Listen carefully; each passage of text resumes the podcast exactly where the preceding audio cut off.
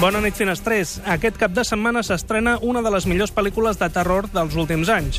Es titula La Bruja i va inaugurar el darrer Festival de Sitges amb una gran acollida. ¿Qué hemos venido a buscar en esta tierra salvaje? Abandonamos nuestro país, a nuestra familia, las casas de nuestros padres. És bastant curiós que aquesta pel·lícula sobre un bosc i una bruixa arribi just ara, coincidint amb el Festival de Cants, perquè va ser allà precisament dins de la quinzena de realitzadors que el 1999 una pel·lícula totalment desconeguda sobre un bosc i una bruixa va donar un tom a la història del cinema. A ver, dime, un Heather, tío muy ¿qué opinas marchoso. de la bruja de Blair? ¿Crees que existe? No lo sé. ¿Es esa la bruja de Blair? No. Creo que es Heather haciendo pis.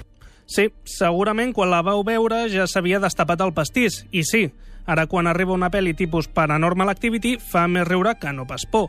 Però al 99, quan encara no hi havia xarxes socials i la informació no corria tan de pressa, The Blair Witch Project va aterrar a tothom que no sabia de què anava la cosa. Es va convertir en la pel·lícula més rentable de la història i va ser la gran precursora d'un nou gènere cinematogràfic, el found footage. The Blair Witch Project és, doncs, un clàssic modern, un clàssic de culte i un clàssic del terror. I després d'aquesta nit, un membre més de... La dada de la finestra.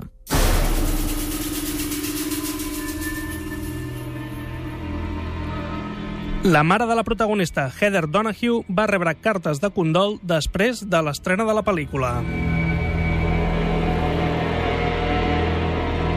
No fa falta dir que després de la seva estrena, els boscos de Maryland es van omplir de gent que anava a buscar la bruixa de Blair.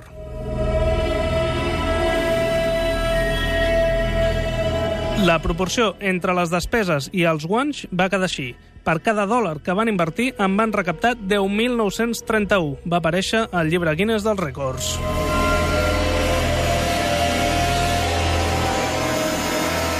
Els directors, Daniel Myrick i Eduardo Sánchez, es mantenien en contacte amb el trio protagonista amb walkie-talkies, que realment estaven abandonats a la seva sort enmig del bosc. Fins a tres vegades van haver de demanar ajuda, ja que s'havien perdut.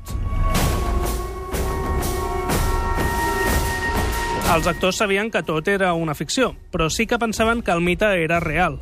Els directors havien inventat la història i no els van dir que era falsa fins l'estrena de la pel·lícula. De fet, només van rebre un guió de 35 pàgines explicant la història de la bruixa. Tots els diàlegs i situacions són improvisades. Van pactar que durant els 8 dies de rodatge serien els seus protagonistes 24 hores al dia. Tenien una paraula de seguretat per si hi havia un problema greu. En el moment que deien taco, tornaven a ser ells mateixos. 8 dies de rodatge només, però 8 mesos per editar tot el material. Per exemple, a l'escena en què els protagonistes desperten violentament perquè algú sacseja la tenda de campanya a la nit eren els directors, i, òbviament, sense avisar-los del que anaven a fer. Per crear malestar entre els actors, els directors els donaven cada dia una mica menys de menjar, provocant que estiguessin més irritables. Un altre rècord, la paraula fuck sortia 154 vegades.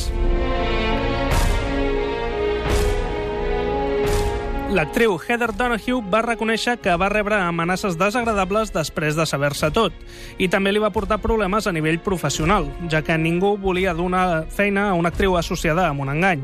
Va treballar molt poc i no ha fet res més des del 2008. Quan Donahue va arribar al primer càsting era tot tan misteriós que per moments pensava que l'havien enganyat per participar en un snuff movie amb assassinats reals. Quan li van dir que havia de dormir sol al bosc amb dos desconeguts, es van portar un ganivet d'amagat.